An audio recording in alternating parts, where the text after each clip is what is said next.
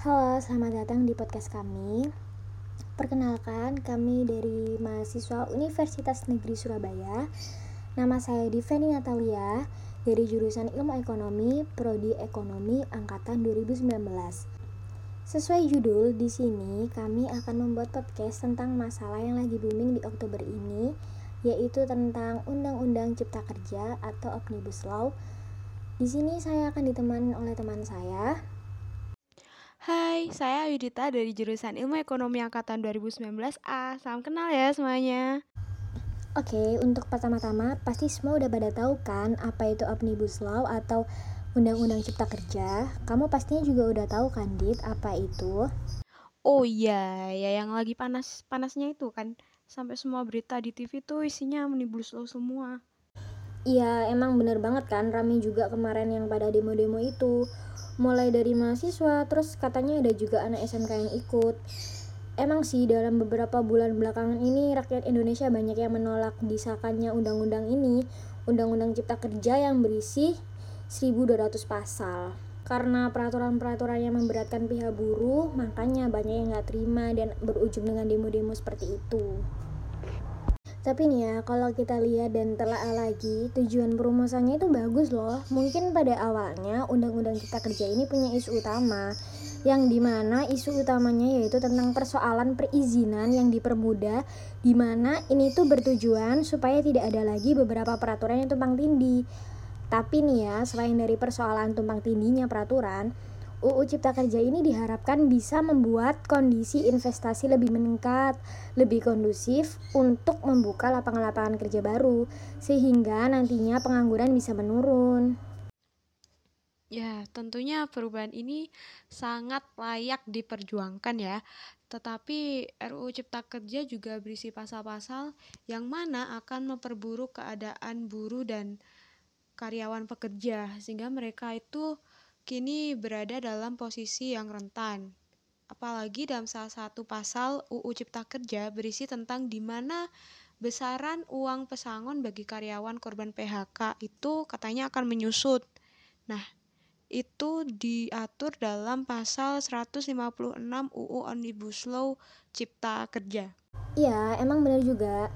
Besar pesangon yang diatur itu yang bikin orang-orang juga pada marah dan juga menolak.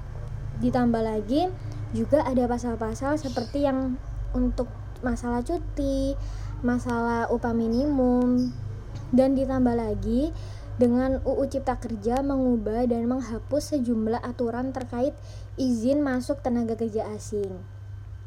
Dengan berlakunya UU Cipta Kerja ini, maka izin masuk tenaga kerja asing dipermudah atau dipangkas dan sekarang mereka itu hanya membutuhkan RPTKA saja karena mereka tidak lagi membutuhkan izin tertulis dari menteri atau penjabat yang ditunjuk jadi pastinya pasti tenaga kerja asing lebih mudah dan persaingannya itu lebih ketat. Karena kalau kita pikir aja kayak misalnya kita bersaing sama tenaga kerja lokal aja itu kadang sulit apalagi dengan tenaga asing jadi itu salah satu yang memberatkan juga ya.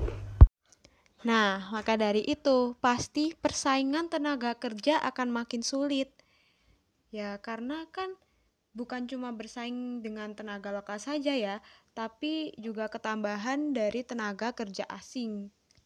Ya, kalau dilihat dari tujuannya meningkatkan investasi, ya udah emang udah bener sih tindakan pemerintah ini. Cuman mewujudkannya itu menurutku terlalu menuntut para buruh. Dan bila kita kaitkan dengan teori ekonomi klasik, kan sebenarnya pemerintah nggak boleh ya ikut campur terlalu banyak. Misal seperti yang ada dalam RUU itu diatur soal jam kerja minimum, hak cuti, dan juga pesangon. Di situ pemerintah seperti memfosir para buruh untuk kerja keras gitu Padahal kan mereka juga manusia, sama seperti kita. Selain itu, tenaga kerja juga sangat berperan penting dalam perekonomian negara. Maka dari itu harusnya pemerintah menerapkan teori Cardo tentang pemerataan pendapat. Iya, benar banget. Tenaga kerja emang penting dalam perekonomian negara. Harusnya bisa lebih menerapkan teori Ricardo ya.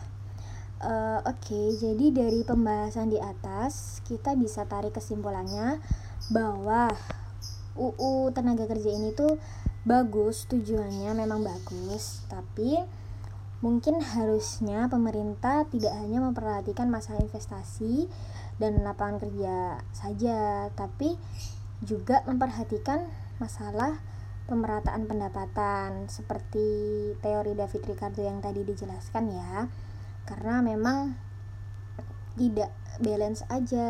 Kalau misalnya banyak sekali peraturan seperti yang tadi sudah disebutkan itu memberatkan pihak buruh. Pemerintah jadi seperti memforsir para buruh untuk kerja keras ya. Ya memang banyak pasal-pasal dalam undang-undang tenaga kerja yang memberatkan pihak buruh. Ada banyak sekali pasal yang tidak balance seperti UMK bersyarat waktu kerja yang dieksploitasi. Itu menurut saya sangat tidak adil ya. Ya, emang banyak banget pasal yang diberlakukan pemerintah. Padahal kan di teori ekonomi klasik sendiri pemerintah dilarang ikut campur terlalu banyak ya. Tapi di sini sepertinya pemerintah sudah kelewatan, apalagi rumusan yang dilakukan tidak terbuka yang menyebabkan banyak para pendemo kemarin itu. Semoga aja ke depannya demo-demo seperti ini nggak akan terjadi lagi ya. Ya benar, semoga uh, setelah adanya um, hal ini, pemerintah bisa lebih berhati-hati dalam membuat undang-undang untuk masyarakatnya ya. Juga semoga Indonesia ke depannya bisa mengoptimalkan setiap sektor yang ada. Amin. Uh, Oke, okay, mungkin itu dulu ya pembahasan kita kali ini. Semoga ke depannya bisa lebih baik lagi. Semoga juga pandemi ini cepat berlalu dan kita bisa melakukan aktivitas normal lagi. Ya, amin. Baik, saya akhiri sesi ini. Kurang lebihnya kami mohon maaf dan selamat menjalankan aktivitas.